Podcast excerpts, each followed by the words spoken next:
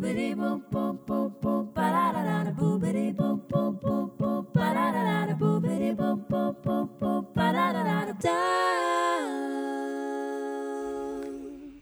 lytter til Filibuster, en podkast om forsknings- og innovasjonspolitikk i et samfunn i endring. Vertskap er Petra Andersen og Per Kokk. I dag snakker vi med Håkon Haugli, administrerende direktør i Innovasjon Norge. Håkon, det skjer veldig mye spennende her nå i Innovasjon Norge. Vi har sett på omorganisering av ledergruppa. Det er kommet en ny strategi. Og vi har hele virkemiddelgjennomgangen til regjeringa med bl.a. en Deloitte-rapport som også ser på hvordan eh, Innovasjon Norge kan eller bør fungere i fremtida. Men jeg tror, jeg tror, vi starter med din egen eh, omorganisering. Om du kunne si noen ord om den nye ledergruppa først, og så kan vi komme tilbake til strategien etterpå. Takk for det. og Veldig hyggelig å være med. Um, vi har eh, etablert en ny divisjonsstruktur i Innovasjon Norge før jul. Og den har vi rigget for å være i stand til å håndtere våre kjerneoppdrag. Og det ene er vekst og eksport. Norge lykkes bra med entreprenørskap. Det fødes flere nye bedrifter enn det fødes barn i Norge hvert år. Det er kanskje ikke veldig bærekraftig over tid, men det viser at vi har um, lykkes med å få et um, økosystem til å fungere for oppstart. Men for få av de bedriftene vokser. Og de, skal man få til vekst i Norge, så må vi se ut. Og Derfor så ser vi vekst og eksport i sammenheng, og med da også entreprenørskap. Så det er den ene divisjonen. Og så den andre handler om samfunns- og næringsutvikling. Det er oppdragene våre regionalt, og de som krever samhandling med andre aktører, bl.a. fylkene. Og I tillegg har vi en del eh, spesialoppdrag som vi tildeles fra våre oppdragsgivere. Og de har vi plassert i en egen divisjon. Der ligger bl.a. EØS-oppdraget, som bidrar til infrastrukturutvikling i Øst-Europa. Så dette er mye penger i dette systemet som i sum skal bidra til flere gode gründere, flere vekstkraftige bedrifter og flere innovative næringsmiljøer i hele landet. Og omorganiseringen den skal bidra til at vi er rigget best mulig for å gjøre det. Så en enklere organisasjon med færre eh, medlemmer i toppledelsen og fullt det vi kan si ende-til-ende-ansvar for å levere både på fag, folk og eh, resultater innenfor de tre divisjonene. Mm. Tidligere så var det også hva skal vi si, klart avmerka ansvar for bærekraft og for merkevaren Norge. Hvor havner de nå?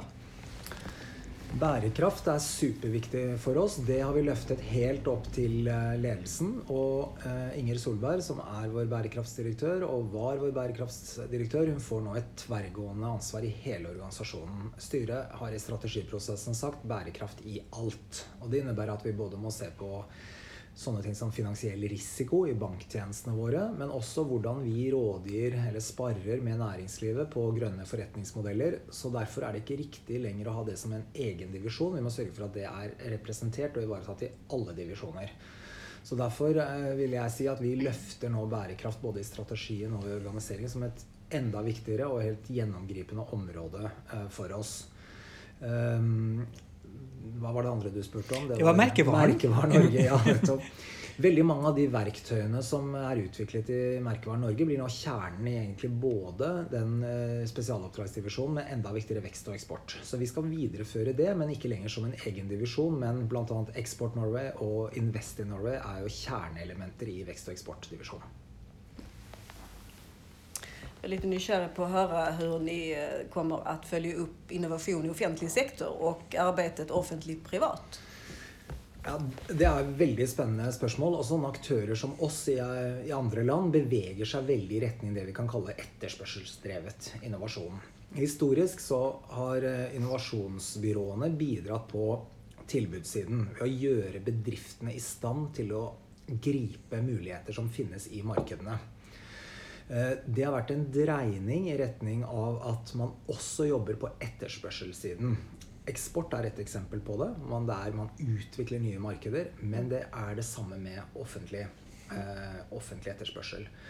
Og skal vi lykkes både med å få til bedre tjenester av høyere kvalitet og til en lavere kostnad i offentlig sektor, eh, og samtidig få næringslivet inn som en partner i løsningen, så vi både, må vi både jobbe på næringslivssiden og på anskaffelsessiden. Så det området det både er viktig og vil bli viktigere framover eh, for å ivareta de målene vi har som organisasjon, og det er plassert i da samfunns- og næringsutviklingsdivisjonen vår. Vi kan følge opp da med å gå over til eh, strategiprosessen. Og det du har sagt så langt, reflekterer jo for så vidt det som står i strategien. Men jeg har lyst til å følge opp med et par poeng her. Og det ene er dette med Dere skriver bl.a. om evnen til å drive med strategisk tenkning. Det nevnes bl.a. bruk av foresight, bruk av fremtidstenkning.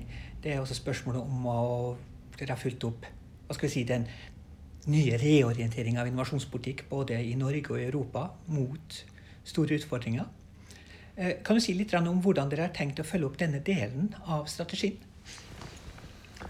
For det første så gir vi oss selv noen verktøy for å drive analysearbeid. Vi etablerer en ny analyseenhet som skal eh, både bestå av et eh, miljø her i, på hovedkontoret, men også én analytiker i hver av regionene.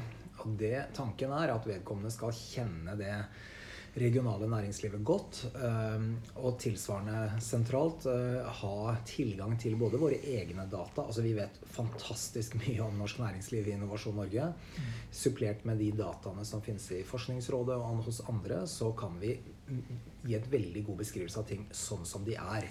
Men i tillegg så kan vi se, si noe om utviklingstrekk. Vi kan se hvilken type prosjekter er det vekst i. Er det dreining i en bestemte retninger? Er det nye markedssegmenter som blir interessante? Og det danner grunnlaget for å tenke framover og kunne si noe med høy grad av usikkerhet, selvfølgelig, som det er med all forecasting, om hvordan vi bør rigge oss fremover. Både hva slags virkemidler vi skal bruke, hvordan vi skal være skalerte, men også hvordan vi skal um, gi våre innovasjonspolitiske råd til myndighetene. Så det er det ene. Vi rigger oss for det. Det andre det er jo Gjennom Horisont Europa kommer disse nye mission-områdene. Og den, en stor og viktig oppgave for oss er å oversette dem til norsk. Hva betyr det for Norge? Eh, og det er egentlig en litt enkel ligning. Da. Det er det vi er gode på i Norge, pluss det vi vet det er interesse for og marked for i Europa. Det er det vi skal satse på. Så vi vrir oss i retning mulighetsorientert, eller vi kan si også utfordringsorientert innovasjon i måten vi er eh, rigget på i det praktiske arbeidet. Og En viktig del av det er å sørge for at det er en sammenhengende kjede av virkemidler. Regionale, nasjonale og europeiske virkemidler må fra kunden oppleves som en og samme, eh, et og samme løp. Er ingen kunder som banker på et, eh, en av våre dører og kommer og sier 'jeg er en regional kunde', eller 'jeg er en europeisk kunde'. De kommer med sitt prosjekt, og så det, blir det vår jobb å bidra til at de å avdekke behov og bidra til at de får tilgang på de virkemidlene som er relevante, uavhengig av hvor de, hvorfra de er finansiert. Dere viser bl.a. til OECD sin rapport om norsk innovasjon. Ja. Og der, Det er jo klart signal om en transformativ innovasjonspolitikk. En strategi for å omstille norsk økonomi over til en fremtid hvor olje og gass ikke er dominerende. Dette har vært litt sårt og vanskelig opp gjennom tidene. Hvordan, hvor står du nå? Det er morsomt at OECD kaller det dette triple omstillingsimperativet som vi bruker om Norge. Men, det, men kortversjonen av det er jo at vi er for avhengige av noen eh, næringer. Og at vi, er, eh, vi har også behov for et mer utfordringsdrevet uh, virkemiddelapparat. Og noe av dette tas det jo tak i gjennom virkemiddelgjennomgangen. Men til det store spørsmålet du stiller. Da. Jeg mener det har skjedd noe veldig grunnleggende. Jeg var på NHOs årskonferanse nå tidligere denne måneden og opplever at næringslivet er veldig langt kommet i, med sin bærekraftsagenda.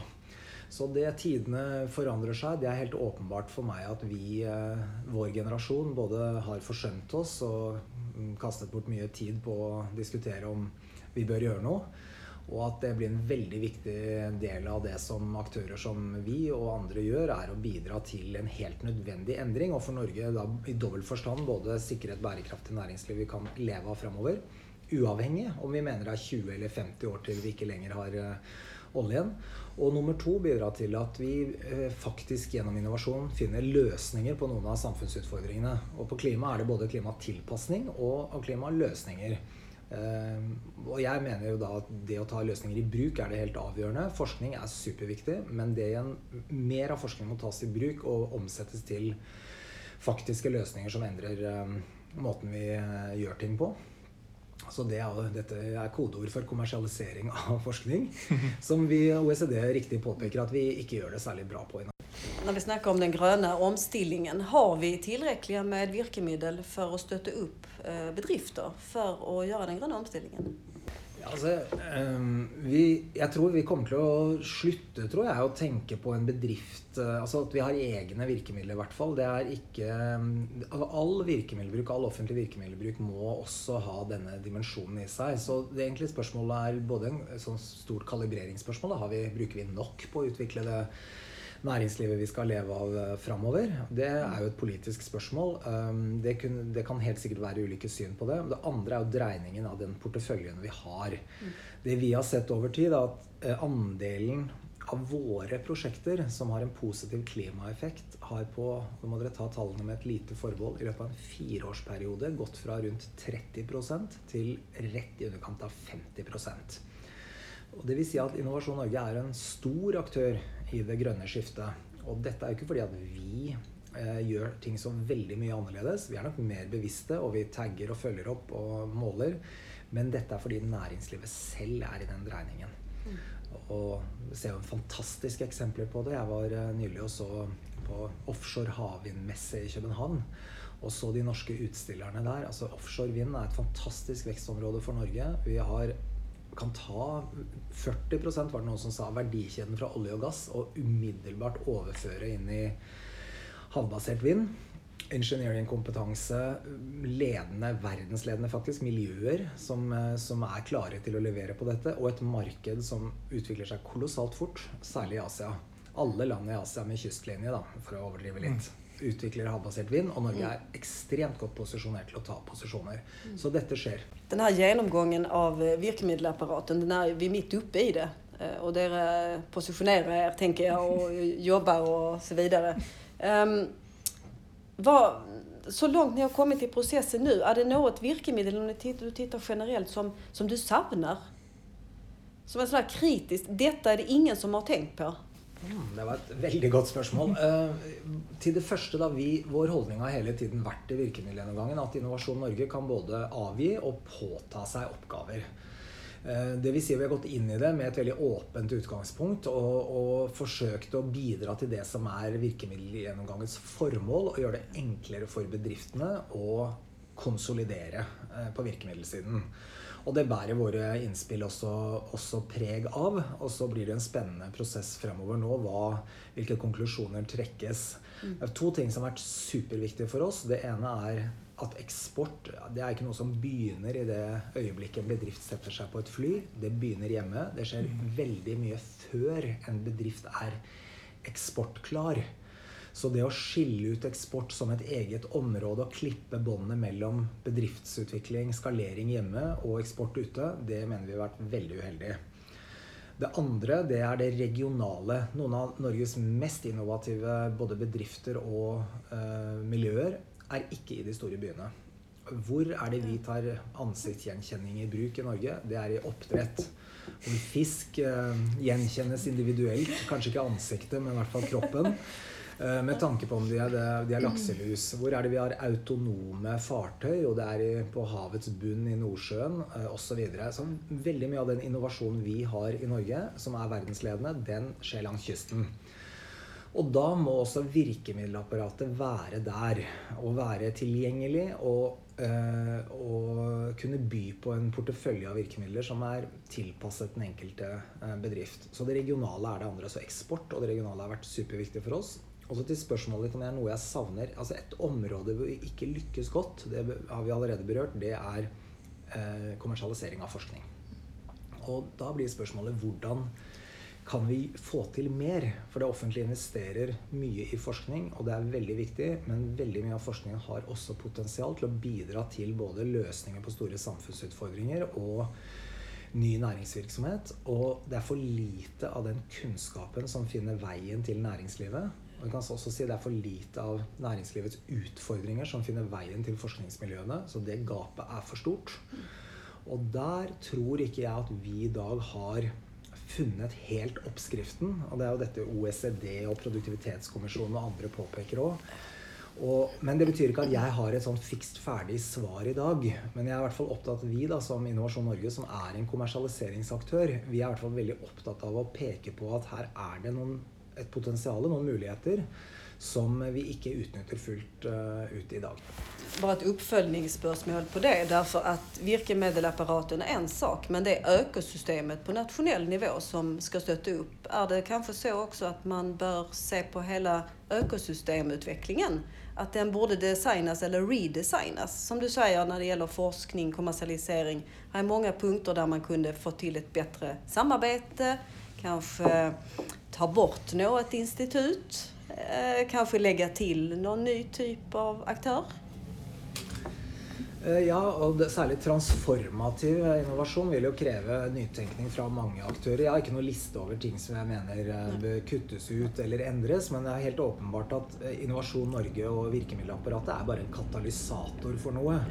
Det er jo næringslivet selv som innoverer. Det er, det er uh, klyngene som samler bedriftene osv. Det vi gjør, er å gjøre deres aktivitet mulig. Det er jo ikke vi som eier innovasjon eller næringsutvikling i Norge. Vi er bare som det jo vi er da, et virkemiddel for å få det til.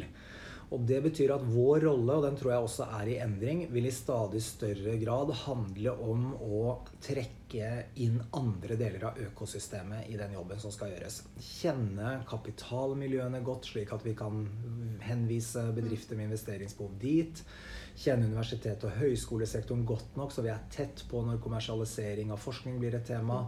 Eh, jobbe godt med offentlige innkjøpere. Det er en stor innovasjonsmotor. Det er offentlige anskaffelser osv så agere som en katalysator, eller om du vil et episenter, for et økosystem, framfor å selv skulle tilby alle de tjenestene og, og finansieringsvirkemidlene som næringslivet har, har, behov for. Det gjør vi ikke i dag, og det vil vi aldri kunne gjøre. Men vi kan bli stadig bedre på å være eh, sentrum i et økosystem og kjenne økosystemet eh, godt. Vi har allerede vært inne på dette med virkemiddelgjennomgangen til regjeringa. Eh, Deloitte har levert en rapport til eh, næringsministeren som bl.a. kommer med forslag til hvordan de ser for seg at det nye virkemiddelapparatet skal se ut. Og for så vidt relativt moderate forslag. Enkle nye grenseoppdragninger mellom Innovasjon Norge og Forskningsrådet, som går på skillet mellom si, forskning og næringsrettet innovasjonsaktivitet. Men de har også ideer om hvordan Innovasjon Norge skal se ut på innsida. Og de kommer bl.a. opp med et forslag om tre nye divisjoner. En i Trondheim med Siva, en med regionene og en med alt annet, slik jeg har lest det. Det er det som måtte være igjen. Eh, og så står det noe interessant der. De ser for seg at disse divisjonene skal være autonome, eller i hvert fall delvis autonome. Så på den ene siden ser det ut som om man styrker Innovasjon Norge sin rolle. Samtidig så ser det ut som man kanskje muligens er i ferd med å dele det. Eh, hva er ditt inntrykk til dette? Eh, jeg deler jo beskrivelsen. Nå har vi, helt uavhengig av den virkemiddelgjennomgangen, reorganisert oss, så er jo ligner eh, ikke Eller på noen punkter da på de anbefalingene som ligger i rapporten, men skissen der er en veldig forenklet eh, fremstilling av hva vi egentlig holder på med. Så Eh, vi har ikke skjelt så mye til det, men det er noen ting de peker på som vi har tatt høyde for. Bl.a. at eksport er et viktig område, og det må synes. Og um, vi løfter også samhandling som noe vi allerede holder på med som viktig i vår reorganisering. Men dette er jo ikke noe nytt at vi driver med det. Klyngeprogrammet har vært en viktig del av Innovasjon Norge lenge. Um, så det er lesningen av det. Um, når det gjelder autonomi, så mener jeg at det det slår litt i hjel intensjonen da, om at det er bedriftens behov som, eh, som, eh, må være utgangspunktet for hvordan virkemiddelapparatet er rettet. Eh, veldig sterk autonomi internt i en organisasjon innebærer at vi ikke evner å hente ut de synergiene som vil være viktige og bra for næringslivet. Eh, for å, det forenkler ikke særlig mye hvis en bedrift framfor å navigere mellom ulike aktører, må navigere innenfor en aktør og selv identifisere hvilken del av denne organisasjonen er det som selv som best kan betjene meg i den situasjonen jeg er i. Så det vi har vært opptatt av, er å sikre en veldig god førstelinje for hele virkemiddelapparatet i Innovasjon Norge. Dvs. Si at vi både gjennom digitale flater og vårt vekst- og gründersenter i Førde skal kunne motta en hvilken som helst henvendelse fra en næringsaktør og kunne henvise videre til riktig sted i virkemiddelapparatet. Mange av de henvendelsene vil gå til oss selv, andre deler av Innovasjon Norge, men det rydder vi opp på baksiden. Mange henvendelser vil gå til andre deler av virkemiddelapparatet. Det vil være en betydelig forenkling. Og så vil jeg si noe, Det er jo ikke sånn at bedriftene de man kan kanskje få inntrykk av at det vi holder på med, er sånn at bedriften kan selv på en meny da, finne frem hvilken ordning som er riktig for dem. Men bedrifter i Norge går ikke rundt og tenker om sitt prosjekt at oi, dette må være et miljøteknologiprosjekt. Eller oi, dette kan det hende jeg kan få et lavrisikolån til. Så den navigeringsjobben er noe mye mer enn å bare Det blir litt som å gå til legen og få slengt legemiddelkatalogen på bordet. Ja, svaret er sannsynligvis i den katalogen, men du trenger faktisk en dialog eh, om prosjektets eh, eh, Hva prosjektet er, for å være i stand til å identifisere riktig virkemiddel. Og den jobben må vi i virkemiddelapparatet gjøre, og ikke overlate til bedriftene selv å navigere. Og følgelig er det viktig å ha enkel inngang og så et kompetent møte, et kompetent første møte med virkemiddelapparatet. Den historien du kommer med nå, er jo for så vidt den som også Innovasjon Norge har hatt en stund, nemlig at det er en ganske godt samsvar mellom det å ha et regionalt ansvar og det å ha et nasjonalt. Og det å veilede bedriftene til rette sted i systemet, både lokalt og på nasjonalt basis. Men nå, jo, nå kan man jo f.eks. tolke Deloitte sitt forsøk på en regional divisjon med et viss autonomi som et kompromissforslag. Som et svar på denne regional-nasjonale konfliktene som mange har prøvd å tegne opp. By og land mann mot mann snarere enn by og land hand i hand. Eh, det var bl.a. tidligere også vært forslag sant, om at fylkeskommunen skal ta noen av disse oppgavene som Innovasjon Norge har i dag. Hvordan ser du på det? Nei, er, altså, Samspillet med fylkeskommunene er kjempeviktig for oss. De er eh, både eierne våre, oppdragsgiverne våre, og de får et stadig større ansvar for samfunns- og næringsutvikling i sin region. Så eh, det jeg er opptatt av, at vi kan samspille med fylkeskommunene på hele porteføljen av virkemidler vi jobber med i det aktuelle fylket. Og forslaget fra Deloitte innebærer at fylkeskommunene får veldig sterk innflytelse på en veldig liten del av porteføljen vår. De får hånda på rattet på de midlene som går direkte gjennom fylket, hvor de er oppdragsgiver, og så vil veldig mye annet være nasjonalt. Og det er ikke til gagn for det næringslivet som finnes rundt omkring. Det som er til gagn for det, er at fylkeskommunen er tett på Innovasjon Norge, og at vi tenker helhetlig rundt både regionale, nasjonale og europeiske virkemidler og kan ta utgangspunkt i faktisk kunnskap om den enkelte bedrift, og faktisk kunnskap om de næringsmessige behovene i det aktuelle fylket. Ha dialog om måte, riktig dosering av type virkemidler, og samspillet om uh, gjennomføringen av det. Så jeg tror at Det kan godt hende det er et kompromissforslag. Det, jeg oppfatter at i hvert fall i min dialog med fylkene så ser de dette bildet og forstår at de har betydelig innflytelse gjennom oppdragsbrev og den dialogen de har med Innovasjon Norge, at det er å foretrekke framfor å kunne bestemme helt selv over 10 av eh, porteføljen. Jeg skal spørre deg, Håkon. Vi vet at uh, du brenner for kraner. Ja. uh, men i din roll nå som ny direktør, administrerende direktør, hva brenner du for når du setter Innovasjon Norge-hatten på? Mm, ja, kraner Fortfarande kraner! nei, det med heiskraner, det er jo en artig ting. Men nei, altså jeg, jeg da jeg fikk eh, telefonen om denne jobben, da, så reflekterte jeg jo litt rundt hva Innovasjon Norge er. Og jeg landet jo på da at jeg, jeg kan ikke tenke meg noen viktigere aktør i det skiftet Norge skal igjennom. Og for grunnleggende så handler det om at skal vi opprettholde høy velferd, at Norge skal være et godt sted å leve, så må vi ha et næringsliv som Eh, lykkes med å skape de verdiene og arbeidsplassene som skal til. Og det er selve kjernen i det vi gjør i Innovasjon Norge, og det brenner jeg for. Og blir veldig ivrig når jeg er ute og treffer bedrifter som på veldig ulik måte gjør akkurat det. Altså Man kan uh, diskutere hvem er de liksom, reelle heltene her i samfunnet. Da. Jeg i hvert fall nominerer de bedriftene som uh, evner å skape arbeidsplasser, lokal utvikling, som er hjørnesteinsbedrifter og bidrar til uh, samfunnsregnskapet på mange mange måter og betaler eh, skatt, og som gjør at Norge er et bra land å leve i. Og de er det mange av, og det er veldig lett å få meg eh, like ivrig som eh, med heisekraner i møte med dem. Store eller små. Dette har vært en episode av Filibuster, en podkast som utgis av fagbladet Forskningspolitikk og forskningsinstituttet NIFU. Vertskap er Petra Andersen og Per Kokk. Du finner mer om bladet og podkasten på fpol.no. Der kan du også abonnere på papirutgaven av Forskningspolitikk. Abonnementet er gratis. Kjenningsmelodien er fremført og komponert av Lene Andersen Vinje. Forskningspolitikk utgis med støtte av Norges forskningsråd.